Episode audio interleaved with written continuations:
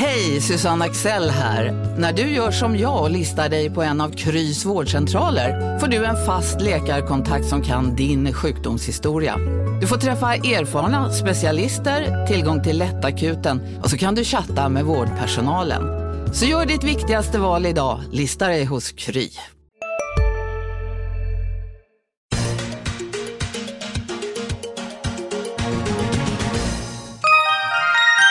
Erika Hallbäck, vad är Lendify? Lendify är en marknadsplats för lån mellan privatpersoner. Vi vill vara en allvarlig utmanare till storbankerna. Vi vänder oss endast till de mest kreditvärdiga låntagarna och vi har tillstånd från Finansinspektionen. Varför ska man låna ut pengar via er istället för att sätta in dem på banken? Hos oss får långivarna avkastningen och inte bara banken. Våra långivare har haft en genomsnittlig årsavkastning på cirka 7% Vi erbjuder ett alternativ till traditionellt ränte och aktiesparande. Vem står bakom Lendify? Några av landets främsta entreprenörer, bland annat Resursbank och Avito-grundarna och delar av Wallenberg och Lundin-familjerna. Tack Erika Hallbäck, investeraransvarig på Lendify.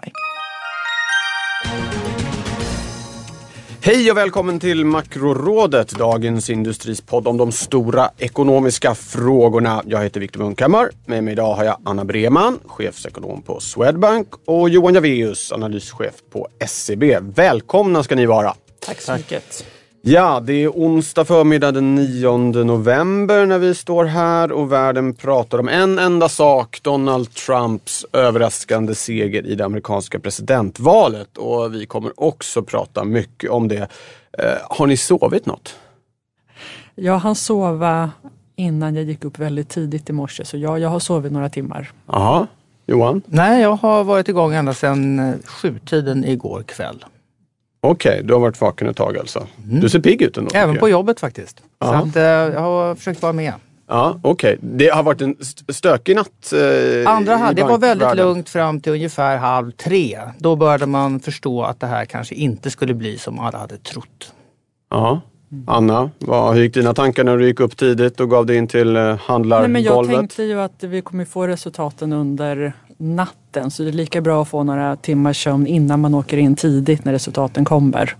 Eh, så att det, det var ju så det blev. Okej, okay, ja. Eh, vad ska vi då säga om det här? Men det är ju ganska dämpade marknadsreaktioner eh, här i Stockholm nu på morgonen i alla fall. Mm, betydligt lugnare än många hade trott. Eh, liksom, de här spekulationerna innan ifall Trump då mot förmodan skulle vinna. Nej, men det man såg först det var ju att asiatiska börser föll kraftigt. I Japan var det ner över 5 procent. Eh, men precis när, efter svenska börsen öppnade, den öppnade ju mer negativt, då kom Trump och höll sitt segertal. Och han var ju mer statsmanna mässig än man någonsin har sett honom tidigare och det lugnade ju marknaderna betydligt. Det var inget prat om att nu ska vi bygga den här muren mot Mexiko och riva upp handelsavtal och sådana saker? Ju... Mm, nej, vi vet ju inte vad han ska göra. I ärlighetens namn så har han ju sagt många olika saker under kampanjen. Men det budskap han ville framföra idag, eller i morse då, eh, det var ju för att lugna marknaderna och visa att han har som syfte att ena nationen. Johan, vad, tänkte, eller vad tänker du om det vi har, jag menar, nu har inte marknaderna varit öppna så, så jättelänge men, men av det vi har sett hittills ändå ganska städat. Ja, alltså mycket mer städat än vad man hade kunnat förvänta sig och det är helt och hållet beroende på att han anslår en rätt försonlig ton nu. Då. Och jag tror det kommer bli jätteviktigt nu, det är ju vad kommer han att börja kommunicera under de månader som är kvar till att han formellt installeras. Kan man få en liten hint om att han är, är på väg att nå någon sorts informell uppgörelse med, med Kina som inte innebär katastrof för världshandeln så kommer marknaden ta det väldigt positivt. Vi ska inte glömma att Trump är en företagsledare. Han gillar näringslivet, han gillar företagande. Han är inte en person som vill, vill eh, gå åt vänster vad det gäller ekonomiska klyftor och sånt i USA. Han, han, han är en, en, företagarvänlig president som dessutom vill sänka skatterna väldigt mycket och avreglera och så vidare. Så att det behöver inte vara negativt för aktiemarknaderna om, om, eh, om han bara så att säga, håller sig ifrån det här protektionistiska. Ja. Om man tittar, aktiemarknaden är en sak. Är det här någonting som skulle kunna vara positivt för tillväxten i USA då också? Han har exempelvis pratat om att det inte är så noga det här med underskott och uh, satsa på stora mm, infrastrukturinvesteringar. Absolut. Vem var vill börja? Båda vill börja. Det låter bra. Jag kan börja. Så ja. Kortsiktigt, det han har sagt om sin ekonomiska politik det är kraftiga skattelättnader. I praktiken mest mot eh, välbärgade hushåll. Eh, men det kommer ändå ses som skattelättnader. Och det andra han har sagt är kraftiga investeringar i infrastruktur eh, som skulle bidra till högre tillväxt i USA och det tredje är handelshinder. Men de två första borde ju stimulera amerikansk ekonomi. Den tredje är ju också tanken att det ska hjälpa amerikanska bolag. Risken där är ju för global ekonomi att det leder till handelskrig. Om man backar från handelshinder men behåller skattelättnader och infrastruktursatsningar, då kan ju det boosta amerikansk ekonomi kortsiktigt. Ja, Johan? Infrastruktursatsningar tror jag, det är ju också en av de områden som man kommer prioritera och försöka få på plats väldigt snabbt. Jag skulle också säga att det faktum att hela kongressen nu också är republikansk är ju någonting som underlättar att få igenom de här besluten på ett mycket smidigare sätt än vad, eh, vad som har fallit för, för eh, Obama tidigare. Eh, så, att, så, på det sättet så tror jag att det här är någonting som mycket väl skulle kunna göra att USA kommer få starkare tillväxt framöver. Ja, Anna? Det stora osäkerhetsmomentet i det här det är ju att det skulle med största sannolikhet innebära kraftigt ökade budgetunderskott och en högre statsskuld. Och där finns det många republikaner som är eh, finanspolitiskt väldigt konservativa och oroade för den höga statsskulden. Så frågan är hur ska han politiskt kunna hantera det? Men precis som Johan säger, han har ju ändå kongressen med sig i det här. Ett starkt mandat att genomföra reformer men det kommer ändå riskera att skapa obalanser och ett eh, ohållbar finanspolitik långsiktigt för USA. Ja, vad ska hända med marknadsräntorna här läget? USA har ju redan en statsskuld på närmare 100 procent av, av eh, BNP han har inte bara sagt att han ska låna pengar för att sänka skatter och investera i infrastruktur. Han har också, det var visserligen ett tag sedan, sagt att det här med att betala räntorna kanske inte är så noga. Man kan alltid förhandla med en långivare. Alltså eh, helt otänkbara saker för en amerikansk president att säga. Mm. Vad tänker ni där? Blir det liksom, eh, kommer räntorna sticka om man driver igenom det här? Eller? På sikt så tror jag att vi kan få räkna med högre räntor då, då. och inte minst då eftersom om vi skulle få starkare tillväxt i USA så blir det också lättare för Fed att justera upp eh, korta räntor mm. och det drar med långa räntor också. Men eh, i det korta perspektivet så tror jag inte att man ska vara alltför rädd för obligationsmarknaden. Den kommer reagera på samma sätt som vi ser att eh, börser och valutamarknaden reagerar här initialt. Styrda av om det är risk på eller risk av helt enkelt. Ja, det är ju också så att när det är osäkert i världen då söker man sig till amerikanska ja. statspapper. Och det ja. har ju motsatt effekt då, att trycka ner de amerikanska mm. räntorna. Så det är två ja. lite motstridiga krafter här. Ja. ja. Och den första effekten i morse eller under natten det var ju att den här förväntade höjningen för amerikanska centralbanken började man prisa bort. Ja. Och det, det här minskar ju sannolikheten för att Fed faktiskt höjer räntan i december. Men jag, jag tror att Fed kommer vilja visa att de inte är politiska. Så man ska ju inte räkna bort den där räntehöjningen ännu.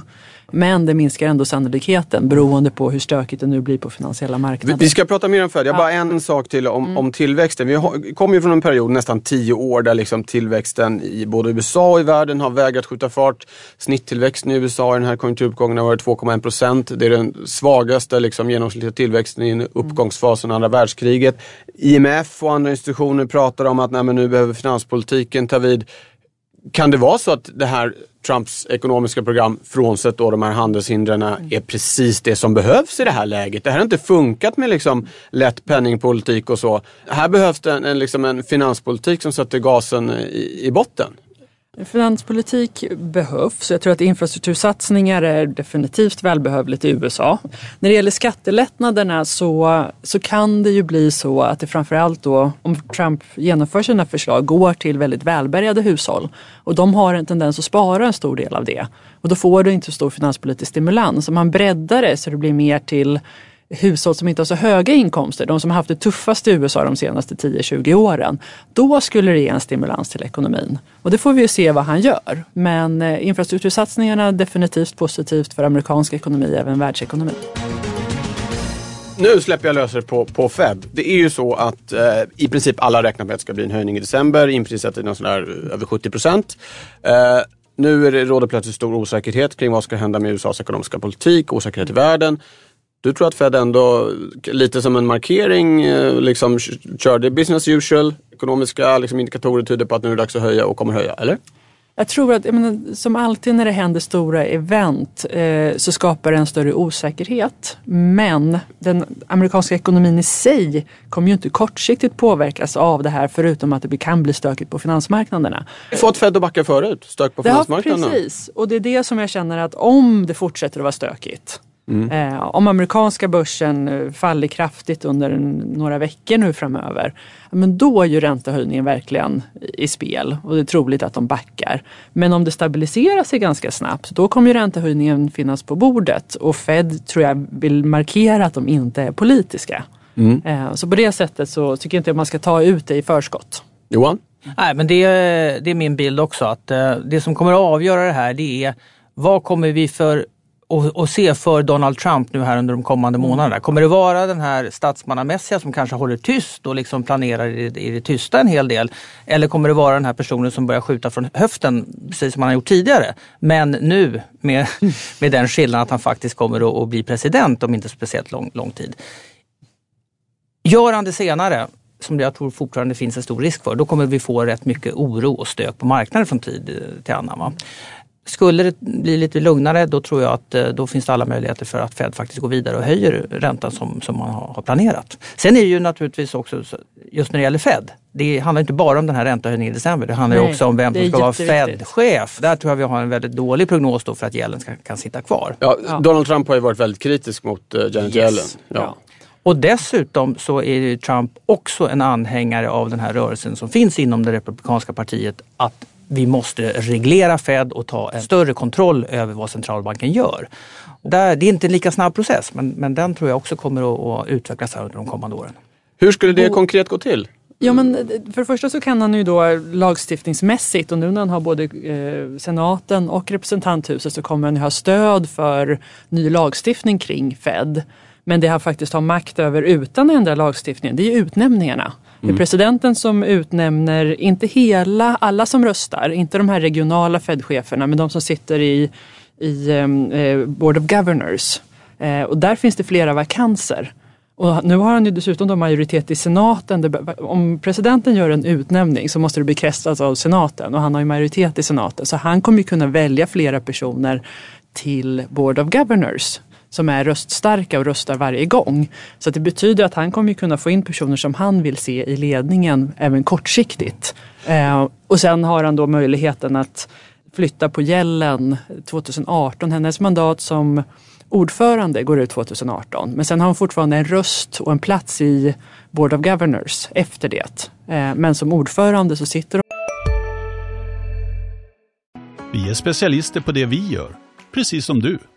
Därför försäkrar vi på Swedea bara småföretag, som ditt.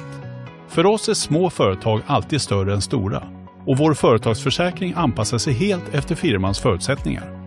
Gå in på swedea.se företag och jämför själv. Hej, Synoptik här. Hos oss får du hjälp med att ta hand om din ögonhälsa. Med vår synundersökning kan vi upptäcka både synförändringar och tecken på vanliga ögonsjukdomar. Boka tid på synoptik.se. Bara, jag tror det är februari 18 för att vara exakt. Donald Trump är inte helt lätt att tolka men vad, om ni ändå försöker, om man nu ger sig på de här förändringarna i Fed, vilket verkar troligt, vad betyder det för penningpolitiken? Jag tror att det är någonting som gör det mycket svårare att driva okonventionell penningpolitik.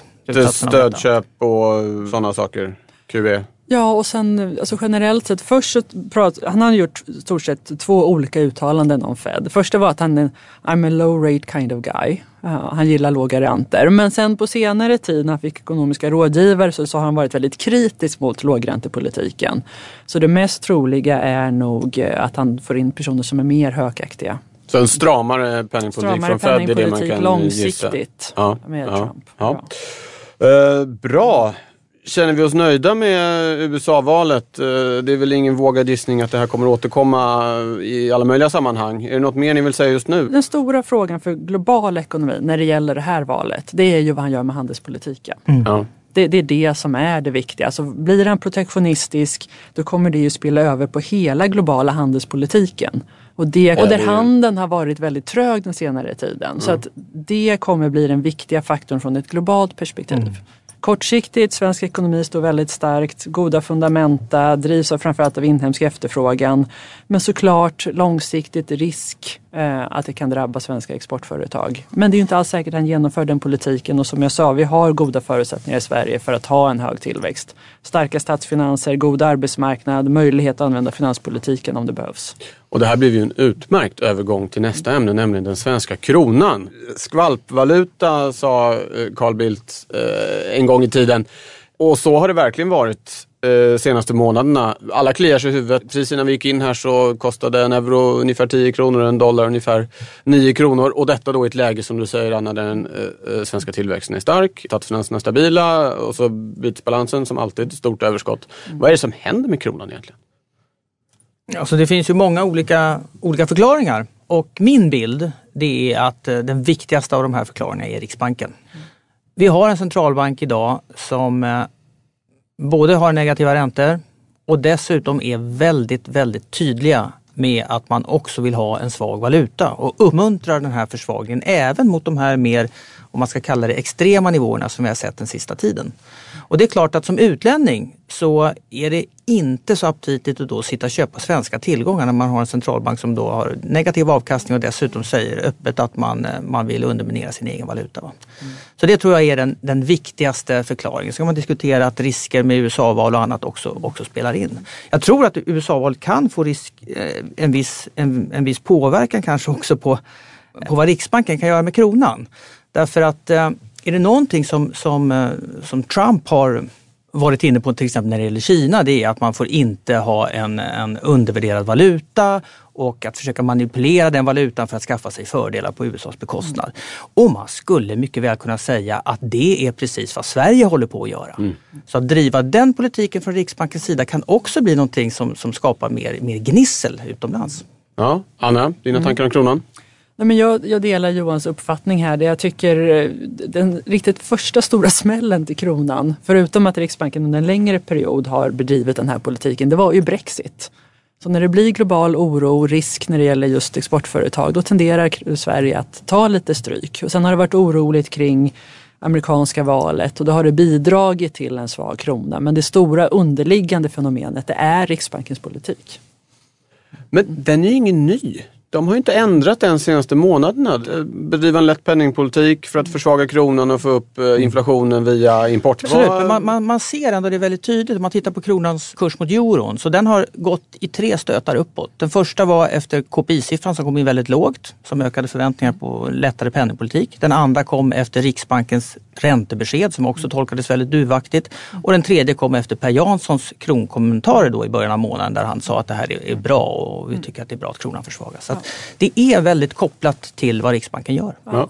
Eh, det kom ju ett protokoll från det här eh, senaste Riksbanksmötet här nu på morgonen. Jag vet att du har kikat eh, lite på det Johan. Var det någonting där som liksom ger några ledtrådar om vad som ska hända? Eller det... Nej, alltså jag skulle säga så här att det är ju så att man håller ju dörren öppen för att göra mer naturligtvis och att man säger att sannolikheten för att vi får en ny räntesänkning har ökat och så vidare. Men det är ju vad vi visste redan efter beskedet. Så jag skulle inte säga att protokollet i sig ger så speciellt mycket ny information. Vad jag tror kommer bli viktigt inför decembermötet det är ju vad andra centralbanker gör. Ja. Och det beror ju i sin tur på om vi får då den här lite lugnare utvecklingen med den eh, snälla ansvarsfulla Trump eller om vi då får en, en mer volatil miljö där, där eh, kanske Fed avstår från att höja och ECB blir ännu mer expansiv än vad folk tror idag och då måste Riksbanken följa med. Men ska kronan kunna försvagas ännu mer från de här nivåerna? Eller, det känns som att nu har man sagt så länge att nu måste kronan stärkas och så har den bara försvagats. Nej, men man, ska, man ska vara beredd på att det är en svår miljö och just valutakurser vet vi är det mest svåra att förutse. Eh, det jag tycker man får komma ihåg med kronan det är ju att alltså, om man tar Riksbankens politik, du har en styrränta, reporäntan på minus 0,50 procent.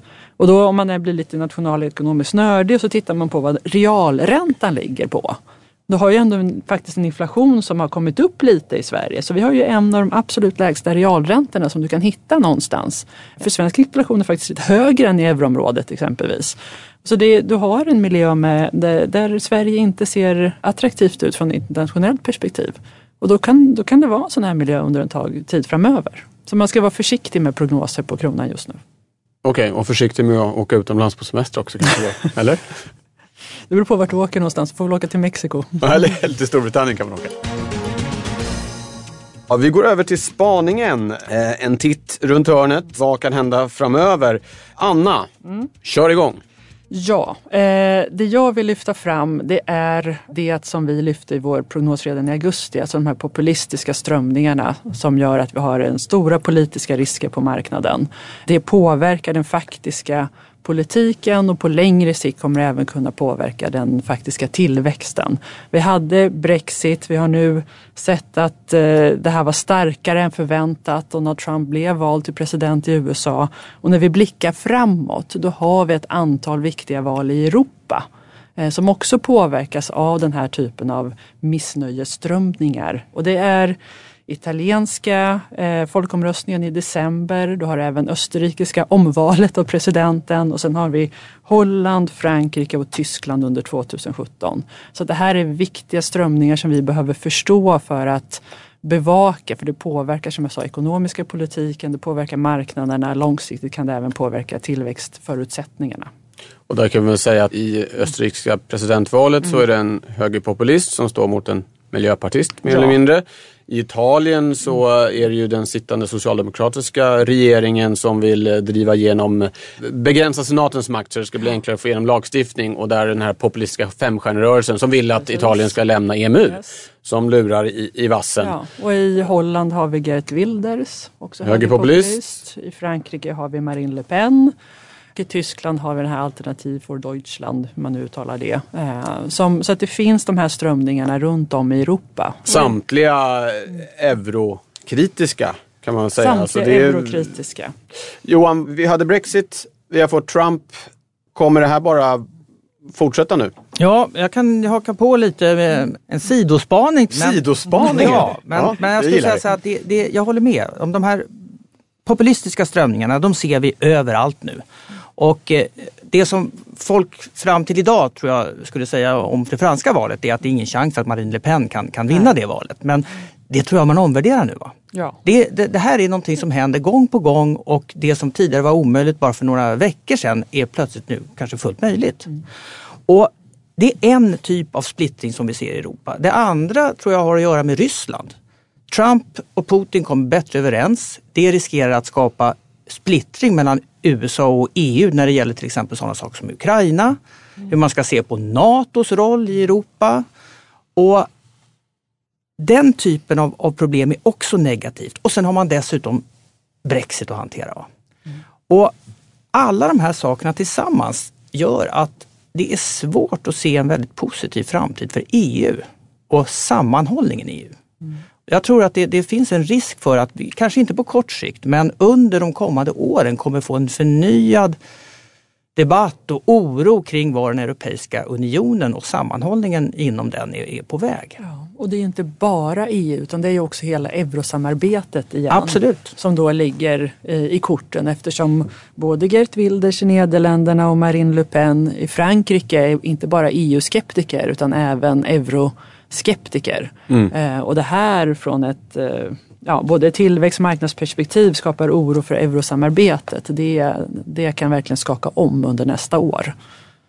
Är det så att, jag menar, i Storbritannien, eh, de här, jag tänker på de här 350 miljonerna pund som skulle gå från EU till eh, nationell, alltså hälso, NHS, det vill säga sjukvården i Storbritannien. Ett exempel på liksom en lögn. Vi har sett Trump som eh, blåljuger ogenerat och det verkar inte spela någon roll. Är det, är det, liksom, det har ju pratats om det här post-truth politics, att det, mm. liksom, verkligheten är inte är så viktig utan det handlar om känslor. Och, är det liksom ett nytt, ja, det är det ett nytt politiskt klimat som vi har fått under det här året? Det är ett nytt politiskt klimat och det finns ju en, en, självklart en risk här att andra politiker i Europa ser att ja, men det lönade sig. Ja. Att, att vara populistisk och ha eh, enkla lösningar på svåra problem, det är det som väljarna vill höra och att man då följer den, eh, den skolboken och helt enkelt börjar föreslå saker som kanske inte går ihop i praktiken men som låter enkelt att ta till sig. Mm. Vi har haft en väldigt jobbig ekonomisk miljö sedan finanskrisen och inte minst i Europa. Finanskris, eurokris, låg tillväxt, hög arbetslöshet. Det är många som har haft det tufft och de lyssnar på den här typen av budskap. Har ni någonting lite mer uppmuntrande att avsluta med eller? Det känns så tråkigt.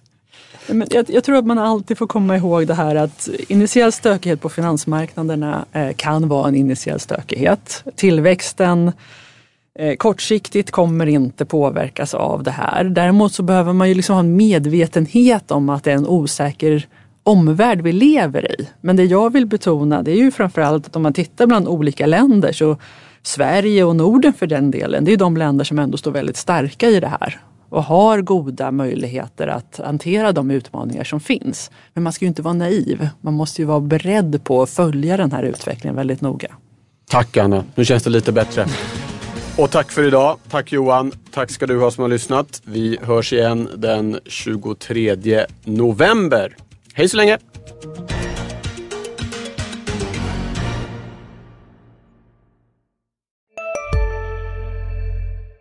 Välkommen till Maccafé på utvalda McDonalds restauranger med Baristakaffe till rimligt pris. Vad sägs om en latte eller cappuccino för bara 35 kronor? Alltid gjorda av våra utbildade baristor. En nyhet. Nu kan du teckna livförsäkring hos Trygg-Hansa. Den ger dina nära ersättning som kan användas på det sätt som hjälper bäst. En försäkring för dig och till de som älskar dig. Läs mer och teckna på trygghansa.se. Trygg Hansa. Trygghet för livet.